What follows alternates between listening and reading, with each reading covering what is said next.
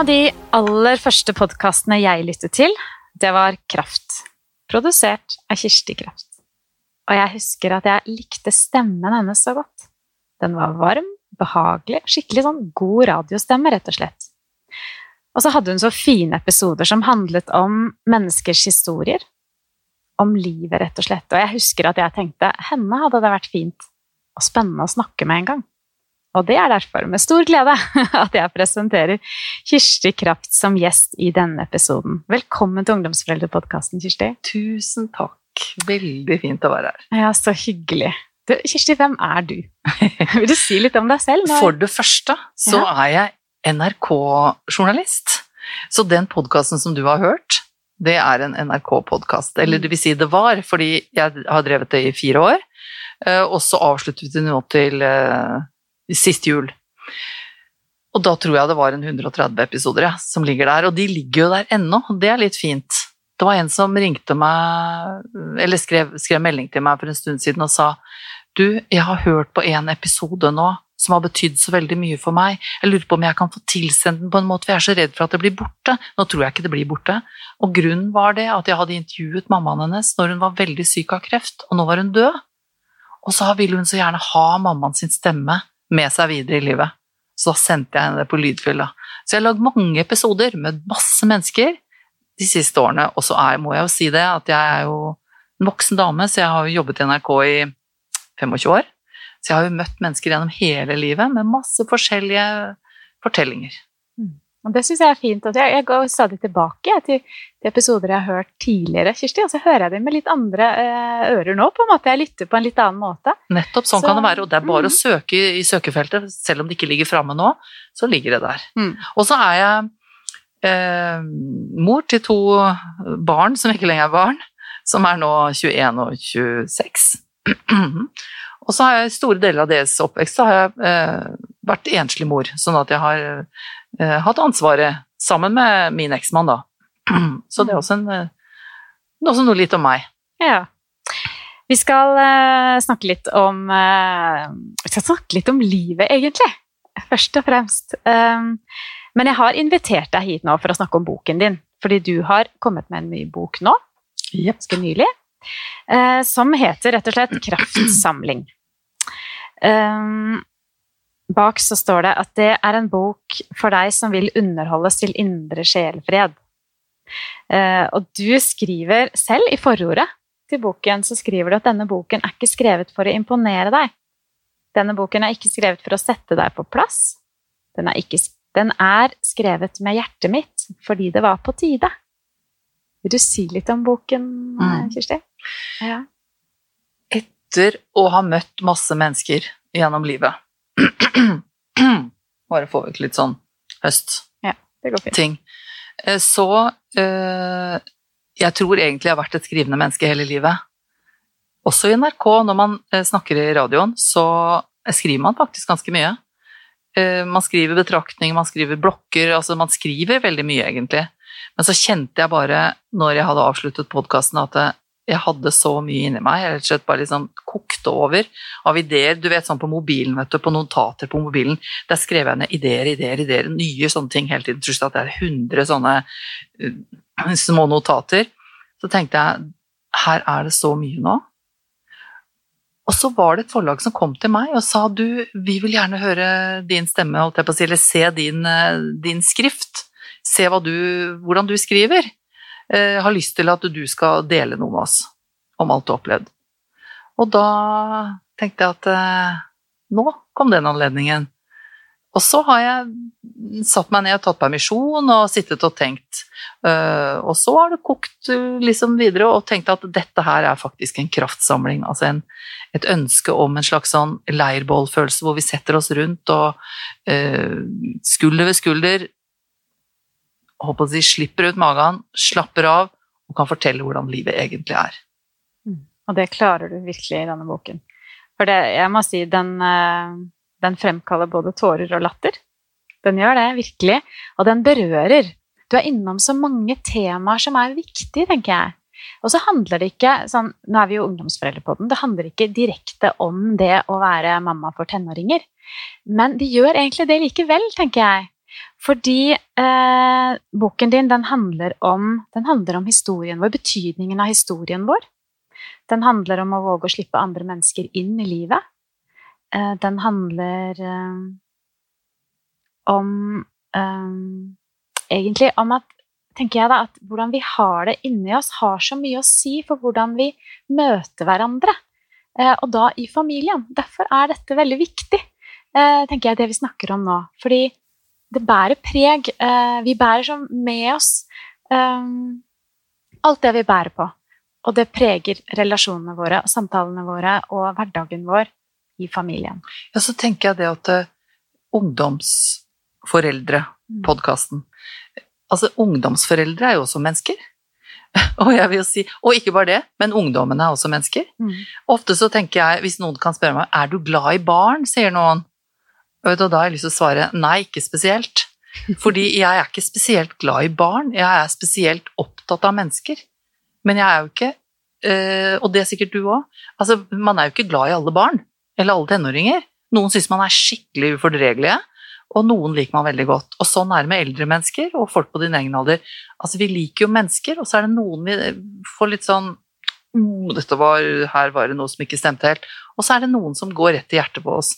Så derfor så tenker jeg det at det, å være ungdomsforeldre, det er jo å være menneske sammen med andre mennesker i huset. Så er det noen spesielle ting som, eh, som man kommer borti da. Løsrivelse og alle disse tingene her. Men uh, det er jo faktisk mennesker som er sammen med mennesker i et hus, ofte. Mm, mm. I en spesiell fase. Mm, helt sant. Uh, det er for mange en litt utfordrende fase. Fordi ungdommene er i så enorm utvikling. Det skjer mm. så mye med de. Og så henger vi litt etter, og så skal vi prøve å um, finne ut av hva, hva er det som gjelder nå. hva, for det er kanskje noe helt annet enn hva som gjaldt for en uke siden. Sant? Fordi de, de modnes ja, Hva tenkte du med det?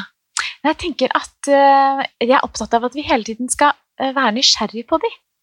Um, ikke sånn, ikke sånn oh, ja, at det skjer noe med dem? Det skjer noe med dem. uke til uke? Ja. Mm. Eh, ikke, ikke, nysgjerrig sånn grave i ting vi ikke har noe med, men være nysgjerrig på hvem de er som mennesker. Eh, og det er så fort at vi foreldre tenker at vi kjenner barna våre, men det gjør vi jo egentlig ikke. Og de er i så endring fra dag til dag, egentlig. At det å hele tiden holde oppe det, liksom prøve å finne ut av hvem er du egentlig som menneske.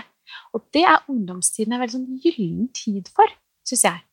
For da eh, Både fordi det skjer så mye med dem, altså eh, mentalt sett, uh, og det er så spennende òg, når vi begynner å gå litt inn i det og være og er det veldig mye identitetsutvikling for de i det. Når vi stiller spørsmål hva mener du om det, hva tenker du mm. om det, og da blir vi kjent med hverandre som mennesker.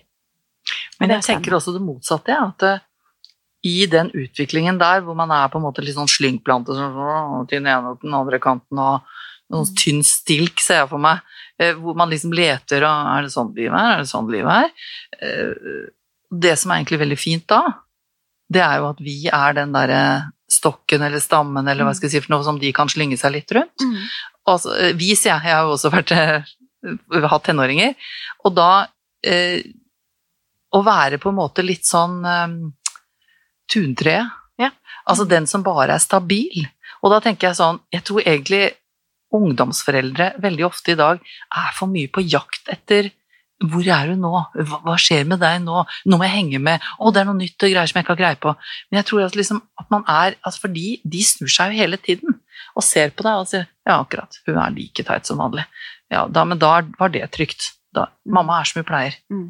Eh, like stokk dum med alt mulig tekniske ting, og like god til å lage hvit saus, liksom. Og det, det, er det jeg tenker på at det, tror jeg er hovedoppgaven egentlig gjennom hele ten, tenårene for ungene. Det er å være liksom den derre tuntreet mm. som bare står der og er på godt og vondt. Helt klart. Så det er ikke så farlig, tenker jeg, om vi ikke klarer å henge med. At da liksom Å ja, jaså, har du blitt interessert i det nå? Jeg skjønner. For at vi kan være litt for foroverlent også. Prøve å please og prøve å være til stede, prøve å skjønne og alt mulig sånn. Mm, mm. Det er litt godt at mamma ikke forstår òg, tenker jeg. Ja, ja, ja. Det er jeg helt enig i. Ja, ja, ja. Eh, vi trenger ikke å forstå alt, og vi trenger ikke henge med på alt heller. Eh, men jeg har selv hatt veldig glede av å bare snakke med barna mine om altså litt sånn store spørsmål. Fordi jeg har lært så mye av de. Eh, fordi de ser ting på en annen måte, og så kan vi snakke om det. Nå skal det jo sies at min eldste han studerer filosofi, da. Eh, så det, vi, har, vi er jo litt i den gata, da. Det er Så han er knapt nok en tenåring nå.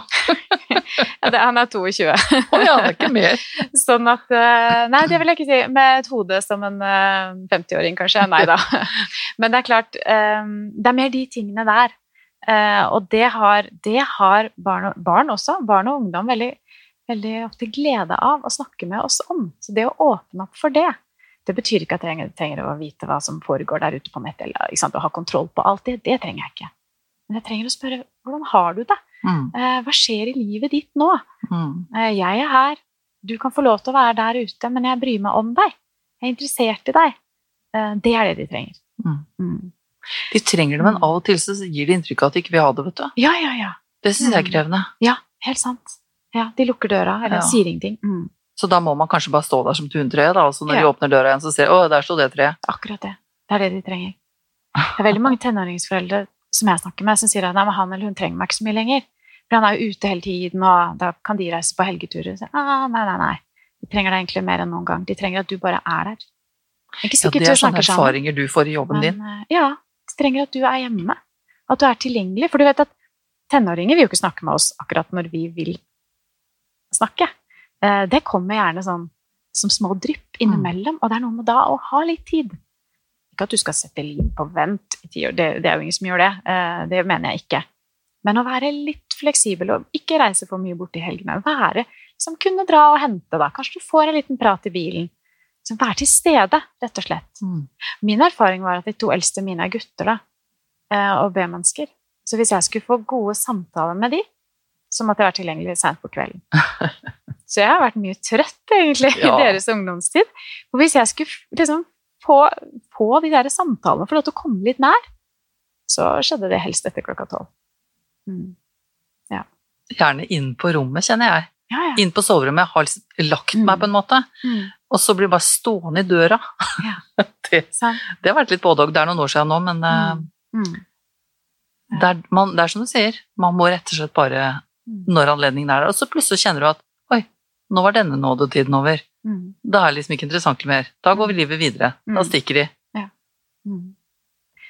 Men den, du vet, den tiden der er mest betydningsfull i forhold til relasjonen vår videre i livet. Akkurat hvordan vi har det sammen i tenårene, når barna er i tenårene, er veldig, veldig betydningsfullt. Så vi skal ta den tiden på alvor, på en måte. Mm. Det har vært mye fokus på småbarnsforeldre, så jeg jobber litt med å liksom Mm. litt fokus på tenåringsforeldre nå, fordi de er ofte også mange som gir uttrykk for at de føler seg ganske alene. For du snakker jo ikke med naboen om, om hvordan barna dine har det når de er i tenårene. Det gjorde du kanskje når de var små, og det var bleieutfordringer eller eh, ja, alt, eh, alt som følger med småbarnssiden. Det er, det er på en måte litt andre problemstillinger. Mens utfordringer knyttet til det å være tenåringsforeldre er litt mer, det er litt mer sårbart. Men jeg tenker også det, Mm. hvis du sier at det er mest å være der, og være tilgjengelig når det, når det skjer.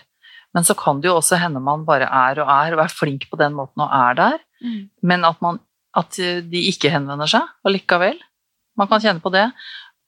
Eh, Og hvor mye skal man eh, på en måte ta innover seg av det? Altså hvor mye skal man klandre seg selv for det?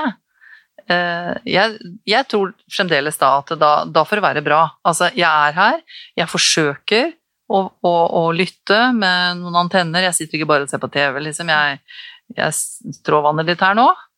Og hvis det ikke kommer noe da, så kan man jo føle seg veldig ensom og veldig sånn øh, avvist. Men det er kanskje en del av gamet, det òg. Ja, Å leve i det, liksom. Og kanskje det er rett og slett fordi de har det greit. De har det bra. Ja. Det er noe med det også. Tenke at ja, ja. Eller at det er en fase hvor man ikke henvender seg til deg. Ja, det også. Mm. Så det er det Kanskje det å være flink tenåringsforeldre eller ungdomsforeldre er øh, å fikse og leve i det at man ikke egentlig aner hvordan man fungerer. Ja, det kan du si. Er du flink, liksom? Ja, det er veldig vanskelig å si noe om, egentlig. Mm. Ja, ja, ja. Ja. Altså trenger ikke verken barn eller tenåringer trenger at vi på en måte er så flinke heller og gjør alt riktig hele tiden. Nei. Det blir slitsomt, det òg. Eh, sant? Um, Ja, altså jeg eh, har vel tenkt egentlig at det er viktig at ungene mine blir kjent med meg som menneske Mm. i den tiden, på godt og vondt, på en måte. Og så vet jeg ikke om de har tippa over gærneveien. Altså at om de kjenner meg for godt, holdt jeg på å si. Eh, For eksempel så har jeg tenkt liksom sånn, man skal jo egentlig være forbilde, og man skal jo liksom Ethvert eh, middagsbord skal jo liksom være sånn at man snakker pent om alle mennesker, og alt skal være eh, liksom sånn Ja, du vet hva jeg mener? Mm. Men jeg syns det er noe som heter hjemmesnakke, altså. Mm. Og det er en måte å bli kjent med meg på. Hvis, hvis mine barn, som nå er voksne, aldri eh, hadde fått noe slags forståelse av hvem jeg likte og ikke likte så godt, liksom, og hva jeg syns var bra og ikke bra, og hvis jeg var på en måte bare en slags oppdrager som satt der og var veldig korrekt, så tror jeg det hadde blitt eh, gærent. Mm. Så jeg har valgt å være mer sånn eh, verdibasert, da, si det på en pen måte. Eh, og også liksom er, Jeg tror ikke de er i tvil om liksom hva mamma liker og ikke liker, og å være et menneske, da. Men, men som sagt så eh, tror jeg mine foreldre var mer over i liksom oppdrager... Eh, Mm. Det tror jeg er veldig rett i. ja, og, Mm. og, og det, så det kan godt hende at jeg har tippa over andre veien. At de begynner på en annen måte igjen. Det er jo ofte sånn, dette. Sånn er det jo. eh, ikke sant? Vi veksler jo ja, Den der pendelen, den svinger. Ja. Men jeg har veldig tro på det, for da, da blir vi kjent med hverandre som mennesker. Og det tror jeg barna våre har Jeg tror de har veldig glede av det. Eh, Og akkurat den tenåringsperioden er jo en tid der vi går liksom fra å være tenker jeg, liksom bare mamma- og pappafigurer til at det er jo en veldig fin tid for nettopp for å dele litt av, av våre livshistorier. Og det er jo det å dele av historiene mine og hva jeg er opptatt av, sånn, det handler jo bare om å komme nær. Um, og det trenger barna våre, å få lov til å komme litt nær oss. Det, det tror jeg er sunt for dem, jeg tror det er godt for dem. Men så må det jo heller ikke, men det må ikke vippe over, sånn at vi bruker de som, som hva skal vi si, uh, Hvis jeg har store utfordringer, så er det ikke barna mine som skal ta imot de. På en annen side Det- så er det, hvis de da ikke har ansvar for det, Mm, at det akkurat er litt vanskelige tider, men, men at de ser at ok, nå er det litt tøft her. Og at de, de lærer jo veldig da mye om hvordan kommer et voksent menneske seg gjennom en krise og ut på andre sida. Mm. Det tror jeg kan være trygt å ha hatt med seg at uh, ikke alt har bare vært helt straight forward, men at det har, eh, det har uh, sjangla litt innimellom. Og jommen meg, det går visst an å komme seg gjennom kriser. Det tror jeg, det tror jeg er en Man kan være litt grann transparent med det, selv om ikke man velter greiene sine over på ungene. Mm, det er akkurat Det det. er en slags balansegang der, Jeg sier til altså. mange tenåringsforeldre fortell om de gangene du gikk på trynet og reiste deg igjen. Ja. Eh, og fortell om hva du Hva tenkte du da? Hva gjorde du da? Mm. Det er verdifulle verktøy som de tar med. Jeg snakker ofte om sekken på ryggen, og du skriver om bagen i boka di, Kjersti, Ja. eh, som vi bærer med oss. Um, og det er på en måte barndommen vår, oppveksten vår, alt Mm. det vi har med oss i livet. Den første si første om, teksten i eh, boka. ja. Og det Mhm. er, eh, det er en av de første tekstene jeg skrev også. Og det handler om at jeg så for meg en svær sånn derre Nesten sånn eh, Så var det helt sånn jordmorveske til gamle dager. Ja. Sånn, sånn litt sånn stiv, svær greie som står ved siden av senga di om natta. Eh, og, og grunnen til at den står ved siden av senga om natta, for at vi får jo litt fri fra oss sjøl når vi sover. Da drømmer vi, og da er vi litt uavhengig av tid og sted, og hvordan vi har hatt det i livet osv. Men med en gang vi våkner, så kikker vi ned og ser ok, der står den bagen. Og det, hvis vi tenker oss da at det er barndommen din, som du må bære på hele livet, på godt og vondt, så er det bare å ta fatt i håndtakene og ta den med seg. Og for noen så er jo dette et lite, bitte liten veske du kan omtrent feste på brystet som et slags smykke. Og det er sånne folk som liksom har hatt en eh, deilig, fin barndom, hvor de har hatt sånne gamle tanter med sukkertøyskap osv. Og, så og som skryter av sånne ting. Og alltid var så fint, vi var på hytta hver vinter, et sånne ting. Og så er det de som går og sleper på svære bager med vonde håndtak, som, som de ikke kan bare sette fra seg et sted, men som de må ha med seg i livet. Og håndtere på en måte. Så det skriver jeg litt om. Mm. Ja, og det å dele av det, det krever jo at vi våger å være litt sårbare, på en måte. Eh, litt Tenker du å dele av, av den bagen. Ja, det å dele litt av livs... Sånn som vi snakket om i stad, liksom det med livshistorien, og det å våge å åpne den bagen litt, da. Mm. Ikke sant? For det er, det er nok av de som sleper rundt på den, og ikke tør å åpne den engang, egentlig. Mm. de bare sleper på den, og så er den, er den med der, og den er tung. Mm. Men jeg har, jo litt, jeg har litt tro på det å våge å åpne den opp og se litt hva er det jeg egentlig har med meg. For da åpner vi i hvert fall muligheten for å kunne gjøre noe med det. Kanskje fjerne noen av de der tomme steinene som ligger oppi der, eller Det er jo krevende, men, men jeg tror kanskje at man har en eller annen slags følelse noen ganger. At man møter mennesker som kan være der når man åpner. Og hvis det er en venn eller en kollega eller eh, en slektning eller et eller annet, så er det kanskje lurt å benytte litt sjansen. Man kjenner at 'å, nå er det et menneske i nærheten av meg her som kan kanskje ta noe av dette', og, og, og, og, og ta det opp fra bagen, se litt på det sammen med meg.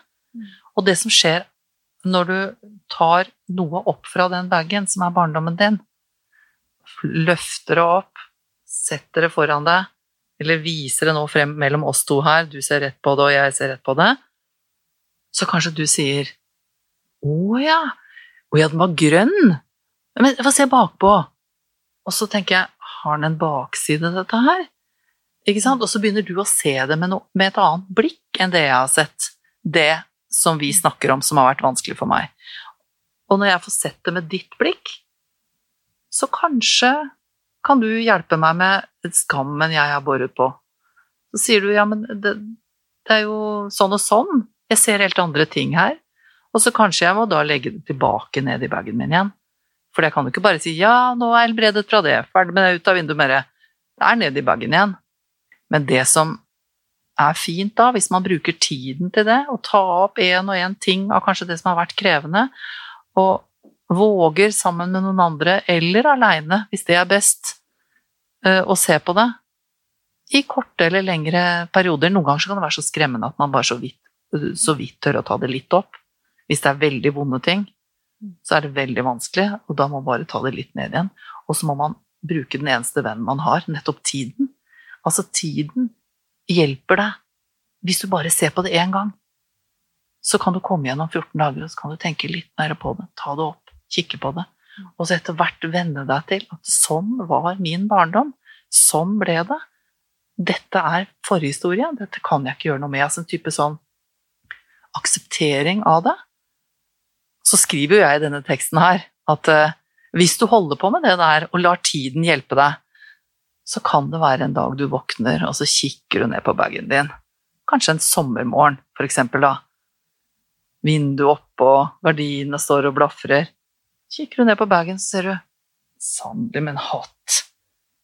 Har den blitt litt mindre, den bagen? Er den blitt litt slunken? Syns liksom den er blitt litt Og så kikker du opp, og så ser du det er jo bare noe småtteri. For det, det har på en måte ikke est. Det har skrumpet sammen. Det har blitt mer ufarlig for deg. Og så tenker du ja, jeg får drasse med meg den der lille bagen som er igjen nå, og så skal du ut, ha det moro. Mm. Herlig. Det var et sånt fint bilde på det, Kirsti.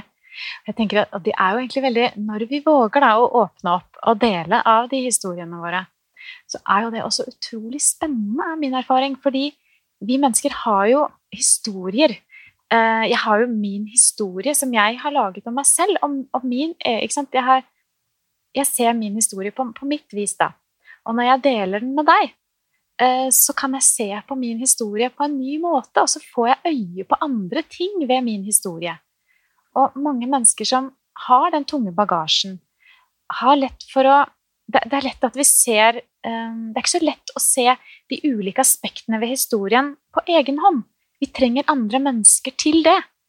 Um, til å berike historien vår, rett og slett, sånn at den kan bli For ofte kan historiene våre vi har om oss selv, de kan bli litt magre og litt tynne. Vi trenger andre mennesker for å fylle de ut, og for å klare også Det er en måte å bearbeide de på. Og det er det som er så spennende med å dele med andre. Sant? Men så har vi Nå skal jeg være litt djevelens advokat her. For noen ganger så deler vi, og så tror vi at den som sitter på andre siden av bordet, er et klokt menneske, Mm. og så er det ikke det. Ja, det er klart. Ikke sant? Noen ganger så blir man misforstått, Mm. og så Altså, da tenker jeg Da er det bare å putte ned i bagen igjen, og så begynne å snakke om været. Det er helt riktig. Det ville Ja. jeg gjort òg. For det, noen ganger blir vi skuffa. Mm. Men, men det kan også skje det motsatte, som du sier, at, man, at man får litt mer dimensjoner over Mm. livet. Og man må våge, vet du. Man må prøve litt. Akkurat, det er akkurat det. Og du kommer til å oppleve at du blir avvist, eller at de andre Mm. ikke forstår deg. Klart du vil det. Det er jo en del av det å, å åpne opp, er, er det jo liksom våge å være litt sånn sårbar på det. Men du, det er en annen tekst som jeg skriver i boka her. Mm. og Det er om dette her at det, altså, vi er jo eh, vi er jo helt alene én og én i denne verden. Når jeg kommer med bagen min og lemper den over bordet mellom oss her nå, så vil jo du tolke det på din måte. Og vi er jo Altså, jeg sitter jo egentlig og Jeg roper ikke nå, men jeg sitter jo egentlig og liksom Hallo der borte, Ann Jeanette. Hører du hva jeg sier? Forstår du hva jeg mener? Ikke sant? Altså, jeg, jeg forsøker, forsøker alt jeg kan nå å formulere meg helt tydelig og klart, sånn at du skal forstå hva jeg mener. Og bak det så ligger jo en slags sånn derre de desperasjon i at det, det er jo derfor vi sikkert har tusenspråk i verden, mye mer enn det, Eh, og, og nyanser, og bare det at jeg sier ord på en spesiell måte, og at jeg har en mikk i ansiktet mitt osv., det er jo finslepet, og det tenker jeg det har sikkert utvikla seg fordi vi har hatt så behov for å bli forstått. Du må Jeg må komme ut av skallet mitt, og, og, og jeg må føle en samhørighet med deg. Og så sitter du og nikker når jeg snakker nå. ikke sant? Da blir jeg veldig sånn Å, Gud, hun forstår meg. Jeg tror hun forstår meg. Ikke sant? Det er, det, vi er jo veldig opptatt av det. Ja. Å nå ut rope fra øynene våre, småøynene våre, og si 'hallo, hallo, her er jeg'. Ser du meg? Ser du hvordan jeg er? Jeg ser deg. Og det har vi drevet med siden den dagen vi ble født. Ja, vi har Og hvordan vi da ble møtt som barn. Ikke sant? Det, det er jo en veldig stor del av den bagasjen vår, om vi våger å åpne opp, da. Ikke sant? For hvis vi har blitt møtt med avvisning og ikke opplevd å bli forstått, så blir det også For hvert, hvert år da, så blir det litt vanskeligere å åpne opp. Sant? Um, Ja, og det er jo virkelig med uh, ungdomsforeldre, da. Altså at man kan tro at man ser noe man ikke ser. Det skriver jeg eh, i en tekst her. Tror du at du kan uh, Eller hva er det du innbiller deg? Tror du at du kan uh, krype inn i sjela mi og avfotografere det som er inni der? Og gå ut igjen, sette deg på andre siden på kafébordet og si 'jeg forstår hvordan du har det'. For vi forstår jo egentlig ikke fullt ut hvordan vi har det. Hvordan hverandre har det. nei. Vi bare, jeg, jeg, jeg, blir litt, jeg merker jeg blir litt sånn aggressiv. Eh, Jeg har opplevd det noen ganger. At noen sier 'ja, jeg forstår veldig godt hvordan du har det'. Eh, Da får jeg bare lyst til å si 'nei, det gjør du ikke'. Eh, Og det, det du egentlig sier, er 'jeg hører hva du sier', jeg er veldig interessert i å prøve å forstå det. Jeg har opplevd noe som kan ligne bitte litt, tror jeg. Så dette er jo et godt grunnlag for å snakke videre. Det skulle jeg ønske de hadde sagt da. Ja, det er sant. Og det er litt, litt tilbake til det vi snakket om i stad, Kirsti. Det her er spennende, syns jeg. Fordi det er litt derfor og jeg tenker at når vi er tenåringsforeldre, så vær litt nysgjerrig på barna. Ja. Ikke forstå, fordi vi tror vi kjenner dem, men vi gjør ikke det. Derfor vær litt nysgjerrig når de kommer med en historie, så tenker du 'å ja, det er derfor'. Eller de kommer med et dilemma, og så gir vi dem bare et svar. Sant? Vær heller litt sånn 'å ja, tenker du sånn'? Eh, Men kunne det vært sånn? Eller? Og det, hvordan vi møter de i det, har så mye å si for om de har lyst til å dele med oss en annen gang. Mm. Derfor så er sånn, nysgjerrighet er så utrolig viktig. Nå fikk jeg dette litt i et annet perspektiv, som du sa nå. Ja, Nå det? så jeg det litt fra en sånn annen vinkel igjen. Ja. Mm. Så det, det var veldig fint. ja. Men du, Kirsti, du skriver også et kapittel som du har kalt for liksom, hårete insekter.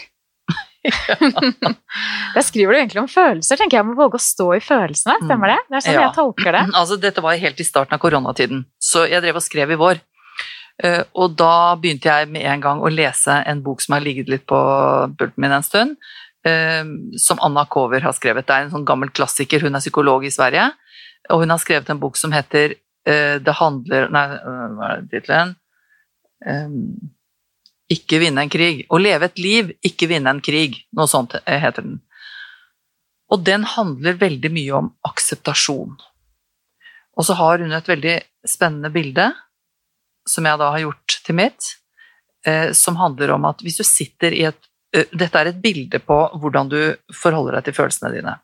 Hvis du sitter i et rom, eh, det er kanskje en august ettermiddag, eh, du vet sånne hvor det er veldig sånn varmt vet ta om ettermiddagen. Du må bare ha alle eh, vinduer oppe, for ellers blir det bare helt pes. Eh, og mens du sitter der og holder på med ditt, da, kanskje noe strikketøy, eller leser en bok, eller holder på med noe, så kommer det jo selvfølgelig når det blir mørkt ute, så kommer det jo svivende inn en del insekter.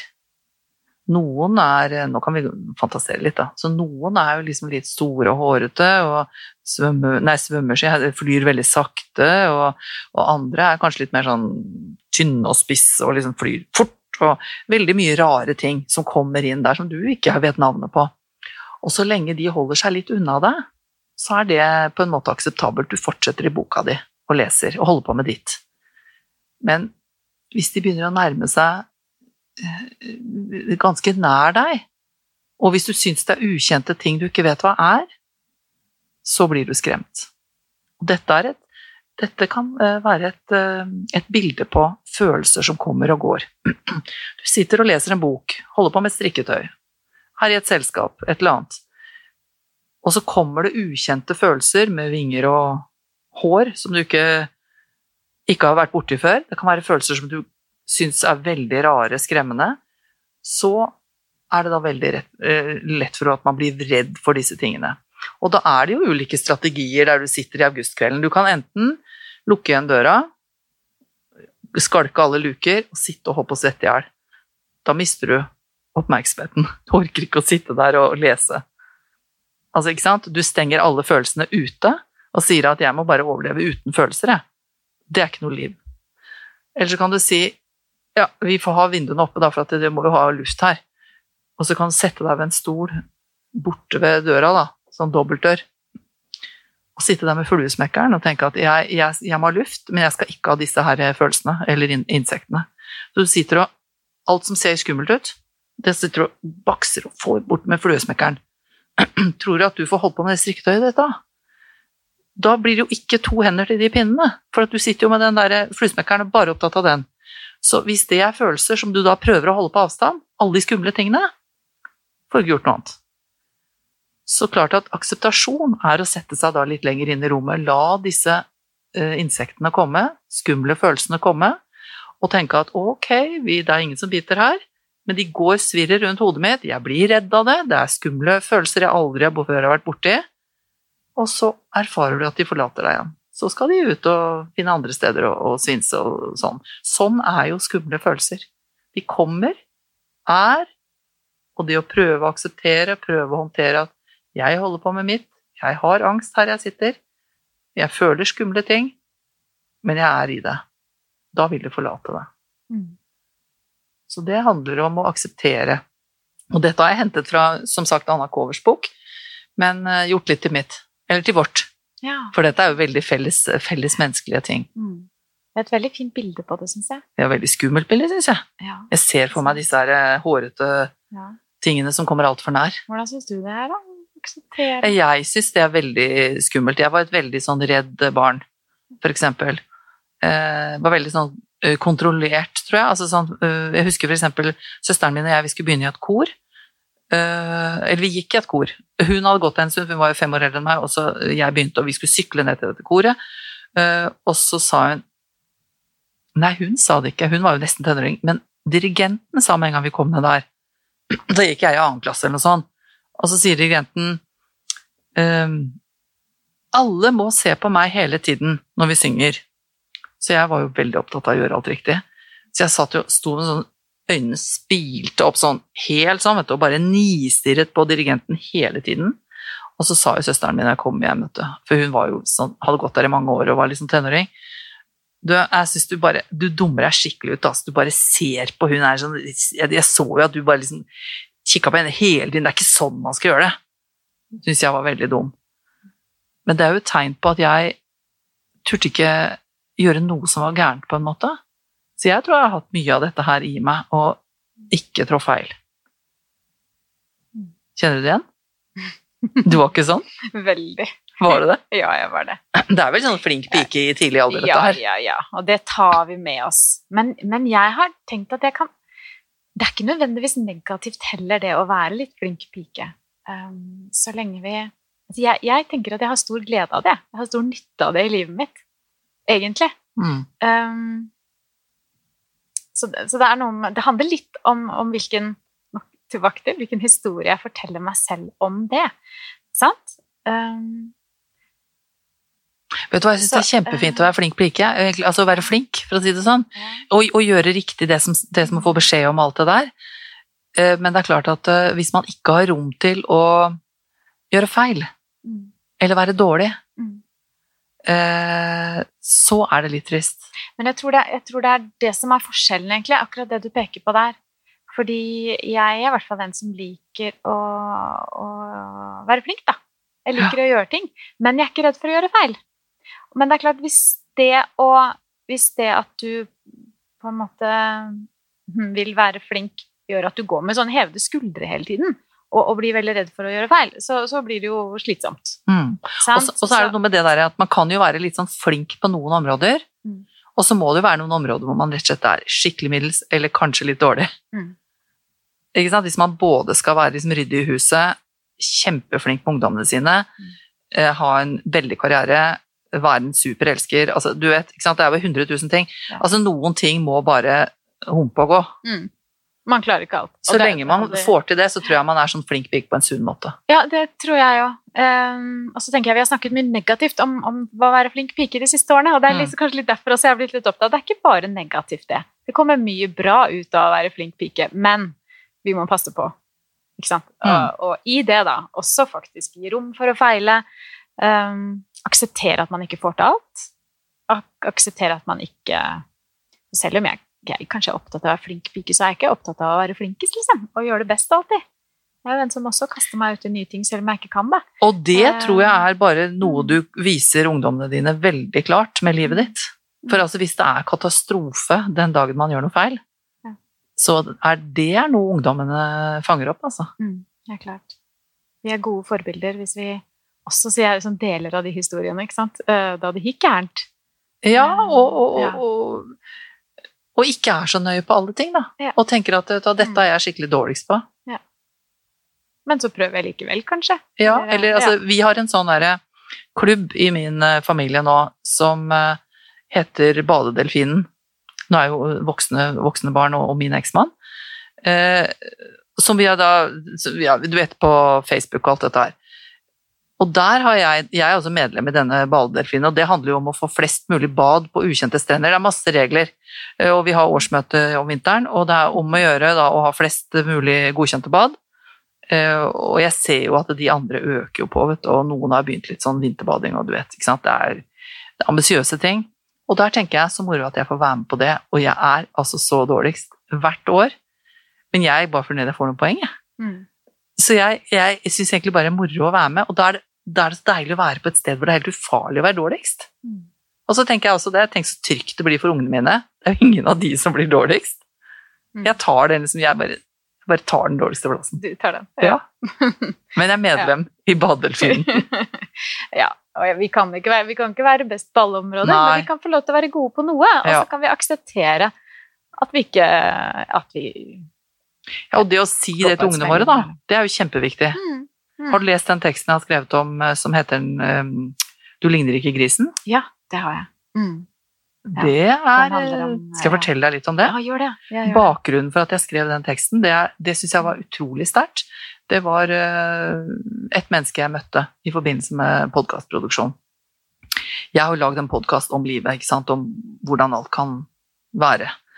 Og så fikk jeg kontakt med en ung eh, kvinne som jeg lagde en episode med. Eh, og hun, hun Når jeg så henne, jeg møtte henne og vi, jeg skulle intervjue henne og sånn, så tenker jeg å, der kommer det en søt, ung dame på noen og 20 år, og hei, hei, vet du, koselig.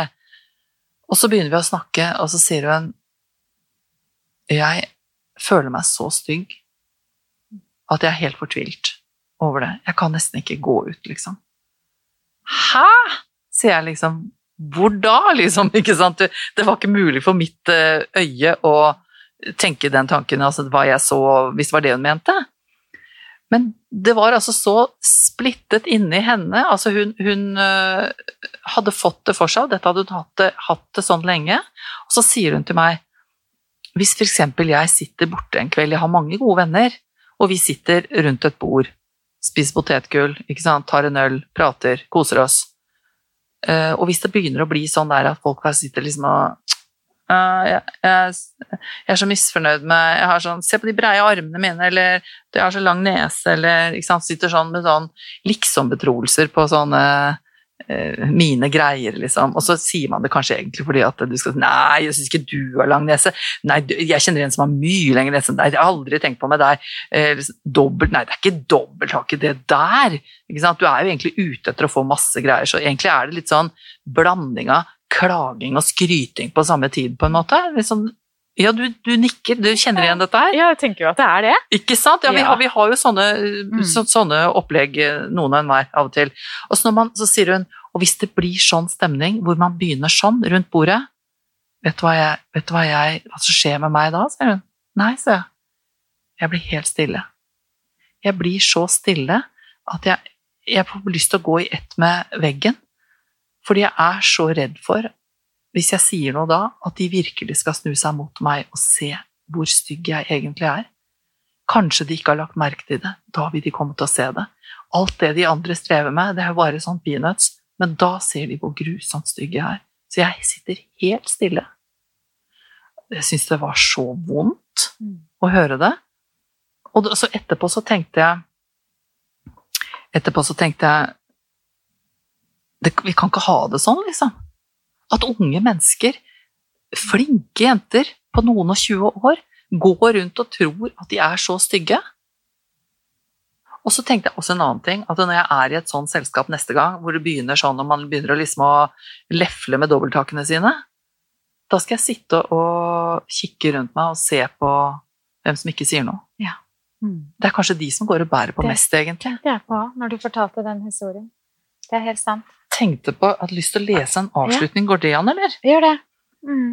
Skal vi se Du skjønner hva om jeg har på meg de brillene her? Du skjønner, Det som jeg tenker, hva skal vi gjøre? Hva er det hun hadde trengt, tenker jeg. Hun som hadde fått høre dette her. Eller om seg selv. Hun trodde det om seg selv. Hun burde oppleve noe helt annet enn å sitte blant disse her som snakker om dobbelttakene sine. Nå skal du høre mitt forslag. Det burde finnes alternativer til de små sammenkomstene hvor man lufter dobbelthakene sine for hverandre uten å høre ordentlig etter hva de andre sier. Det skulle finnes ringer av frivillige mennesker, sånne som melder seg på som leksehjelp i Røde Kors, sånne folk som ønsker andre godt. De skulle danne små ringer, de skulle stille seg skulder ved skulder, med armene om hverandre, og inni ringen skulle den komme som hadde en dårlig dag, en som ikke lignet grisen. Og hvis det var deg, så skulle du få stå inne i ringen, som et midtpunkt, og alle sammen skulle se på deg med milde, varme øyne, helt til du var ferdig med å fortelle dem hvilket lite tiltrekkende og ufyselig menneske du er. Så skulle alle rundt deg, helt forsiktig og stille, lage et mykt talekor hvor de sa om igjen og om igjen Det er ikke sant. Det er ikke sant. Det er ikke sant. Det har vært fint. Jeg tror det er mange som kunne trenge det talekoret der. Å stå i midten? Ja, helt klart. Jeg melder meg. Mm. jeg òg, Kirsti. Vil gjerne være med på det. Men jeg tenker jo at ja, kanskje vi kan oppleve det innimellom, da. At noen gir oss den der følelsen der, den trygge følelsen av at du er fin, mm. Eh, og at vi faktisk da også våger å tro på den. Men det handler jo veldig mye jeg tenker I bunn og grunn så, så må vi begynne med oss selv. Da. Det handler mye om hvordan jeg ser på meg selv. Og du skriver om det også i boken din, om å se på seg selv med et mildt blikk. Mm. Hva tenker du, hva betyr det egentlig? Nei, hva betyr det? altså, jeg tror egentlig Jeg tror egentlig at vi snakker til oss selv ofte med utestemme. Det er sånn de sa i barnehagen. Ikke utestemme inne. Um, og hvis man gjør det for mye, så blir man jo um, Da blir man kjefta på helt fra, fra, man er liten, på en måte. Gjennom hele livet. Og jeg tenkte litt på de der gutta som satt bakerst på barneskolen hos oss. Som hadde litt uh, vondt for det med sånn faglige, teoretiske ting. Fikk jo bare kjeft. Eller sånn Nå gikk jo ikke jeg i en skole som er nå, ikke sant, og det var en skole som er mer sånn Nei, deg eh, har ikke noe spesielt tro på, nei. Og det er klart at hvis du snakker sånn til deg selv, at du sitter bakerst i klasserommet og uh, ikke orker helt å følge med, og du hele tiden får tilbakemelding at altså, du er Ann Jeanette, du er ikke Du når ikke opp til noe her, altså. Ikke på det feltet, ikke på det feltet, ikke på det feltet. Så jeg skjønner ikke helt hva vi skal gjøre med deg, og hvordan ditt liv skal gå. Jeg synes Du blir sånn sørgmodig når jeg sier det nå. jeg blir helt vondt. ikke sant? Ja. Og, det- og det er kanskje du, hvis jeg er også Ann Jeanette, som sitter og Mhm. sier dette til deg nå over bordet. Mm. Så hvis jeg har begge rollene, så, så ser jeg jo du får jo rynker i panna. Altså det, er, det er ikke Og sånn er det mange snakker til seg sjøl. Ja, Så, så jeg tror det at I hvert fall så har jeg gjort det sjøl noen ganger. Lært meg til å si Hvis det er litt tråklete, da, eller hvis jeg ikke har fått til noe, eller hvis det har liksom blitt litt middels, så kan jeg si sånn Det er ikke rart at det, at det ble litt sånn nå. Jeg begynner med det der. Det er ikke rart at det Og så, så henger, jeg på, henger jeg på noe etterpå. Det har vært en veldig fin måte for meg. Det er ikke, eh, det er ikke så rart at du kjenner at du er redd nå. At du opplever at du har mye uro inni deg, f.eks. Nå har du vært gjennom ting og tang, og, så det er ikke så rart. Det er vondt. Det er ikke farlig, men det er vondt. Så kanskje du bare skal tenke nå at nå kommer jeg sikkert til å være urolig noen timer. Kanskje du kan finne på noe? Kanskje det er noe på TV? Kanskje du kan lage deg en kopp te?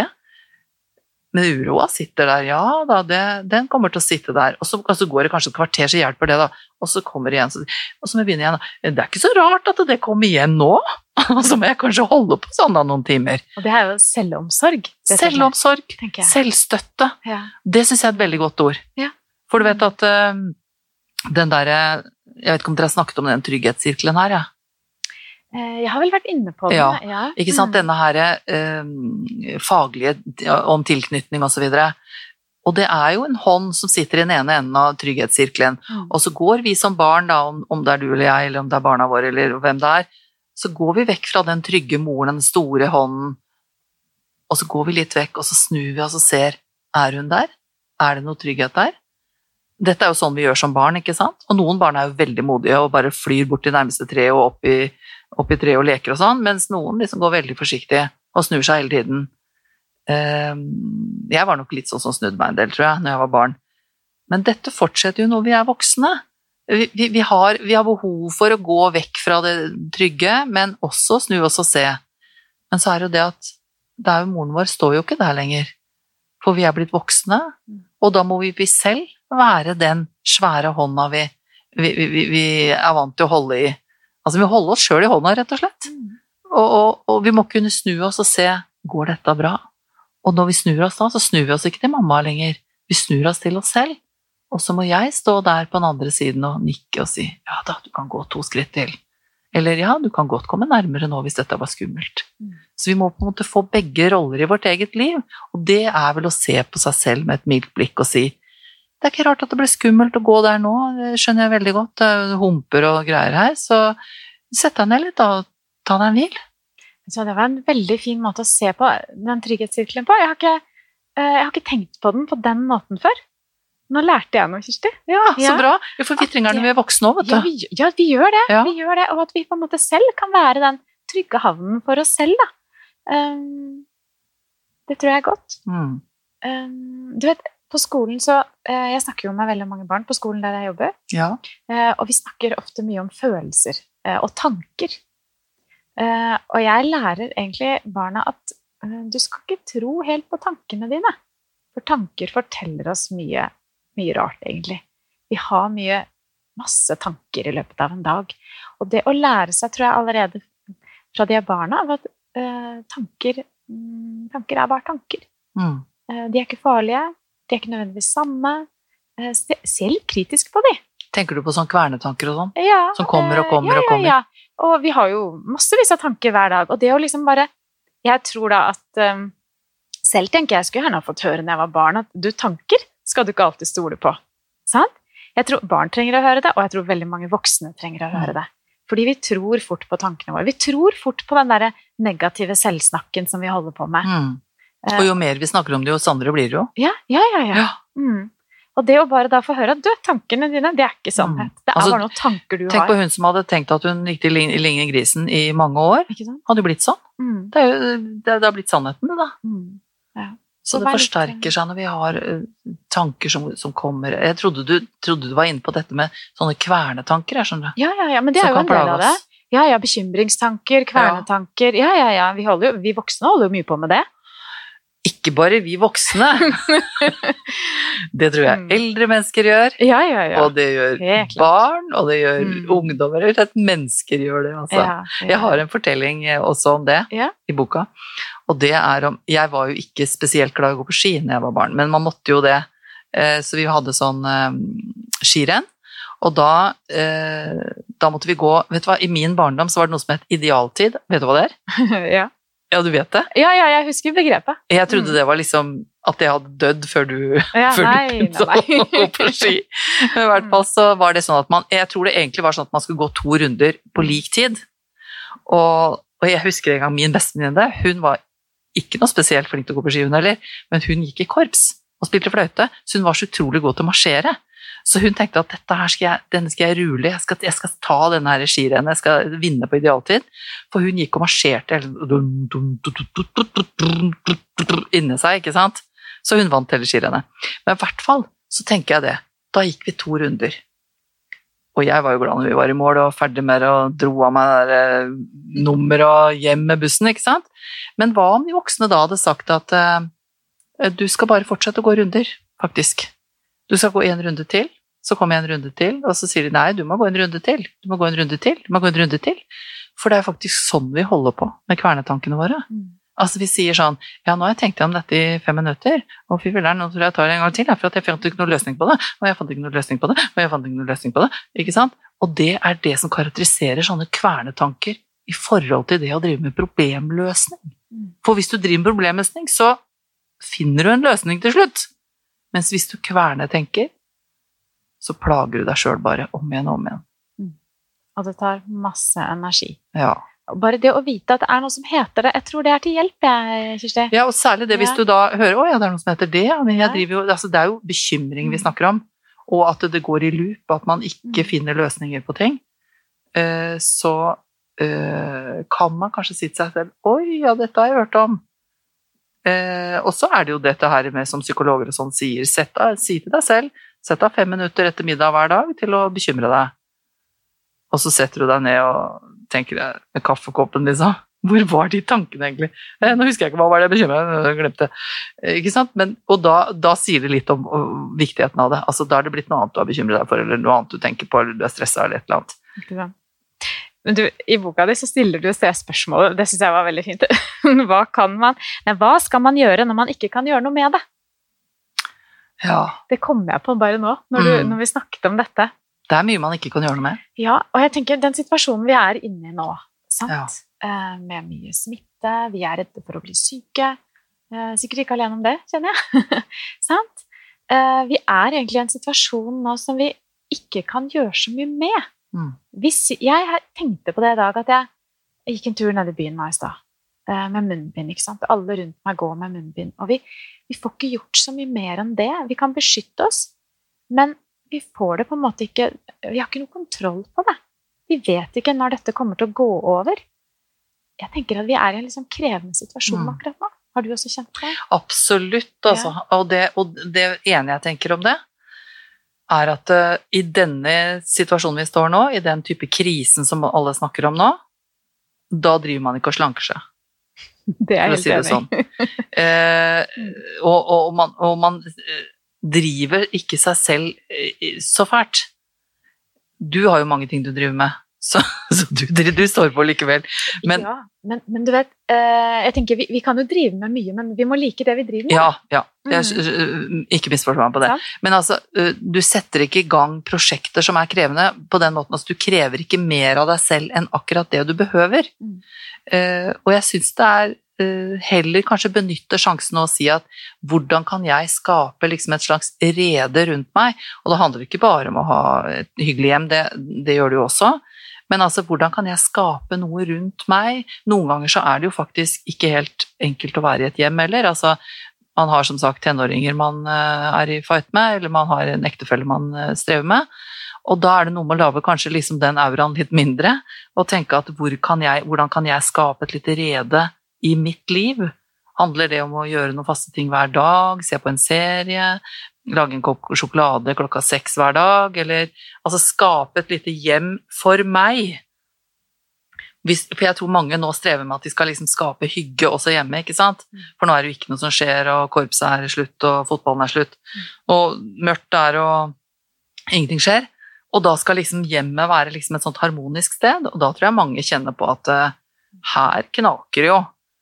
Og derfor så tror jeg man må gå et skritt nærmere seg selv og tenke at ja, jeg er urolig, jeg kjenner på depressive tanker, jeg kjenner på angst ved at jeg ikke vet når dette slutter. Hva kan jeg gjøre for at jeg, og ikke hele familien alltid, jeg kan bygge meg selv opp? Og da tror jeg det handler om å skape det lille redet, og hvordan man gjør det, må man jo finne ut selv. Jeg tror litt på sånne faste rutiner, da. Høydepunkter. Hvis det er å lese på senga, hvis det er å uh, følge en serie altså, Det finner man ut sjøl. Hvis det er å skype med én venninne hver kveld, eller uansett hva det er, uh, så gjør det. Så unn deg, på en måte. Unn deg det som er litt godt i denne tida. Og så er det en annen ting også, det å akseptere at det, Vet du hva, vi er, jo en, vi er jo en kjempeheldig situasjon her i Norge. Vi har stor tillit til myndighetene våre. Det er det ikke noe de har i alle land. Vi ser hvordan det har vært konflikter i USA osv. Prøve å trekke fram de tingene som oppleves godt, og tenk, takke litt for det i seg selv, og tenke at tenk at jeg har så stor tillit til myndighetene.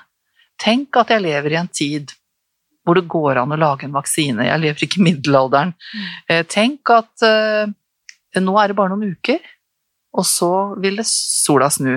Altså å tenke sånne tanker som er uh, konstruert positive, da, som du lager for deg selv. Gjenta det gjerne. Men jeg, men jeg mener at det å, å, være klar over at vi har et styre vi kan stole på, det er jo omtrent som å leve i den trygghetssirkelen. Altså, du kan snu deg og se på den store hånda, et sånt samfunn har vi i Norge. Og derfor så kan man jo også bare tenke, tenke sånn Ja, jeg får bare sitte her, da. Og vente på at denne hånda ordner opp i ting, og så blir det kanskje Jeg mister jo noen måneder i livet mitt da, det er kjipt og sånn, men skape seg et liv innenfor de rammene som er. Ja, og så tenker jeg at det tvinger oss litt, har jeg tenkt på, til å virkelig lete etter gledene i hverdagen, da. Mm. Fordi nå kan vi ikke gjøre så mye annet. Så blir, det gjør litt vondt, men det tvinger oss litt til det. Og jeg tror det kan komme noe godt ut av det. Og da kom jeg på noe som du har skrevet i boka di. Eh, åpne, heter det. Hvilken side er dette? Eh, side 13.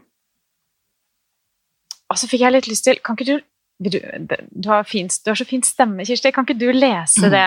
Kan vi se. Det er litt fjes i dag, men det Ja. ja. Kan ikke du lese det for oss sammen? Ja. Eh, kanskje egentlig, og Vi skal gå mot slutten nå, nemlig. Mm. Så jeg tenkte Kan vi avslutte med det, eller? det kan vi gjøre. Ja. De sier når det lukker seg en dør, så åpnes et vindu. Min erfaring er at det ofte er et kjellervindu, og at det ikke står på vid gap. Det finnes muligheter for å få åpnet det, men haspene har rustet, og du må bruke krefter. Det er ikke så enkelt alltid. Nei, det er ikke det. Nei. Det krever litt av oss. Men det er muligheter her, altså. Mm. Det er det. Det har vært veldig fint å snakke med deg. Tusen takk, Kirsti. Ja. Takk for at jeg fikk komme. Mm, takk for praten.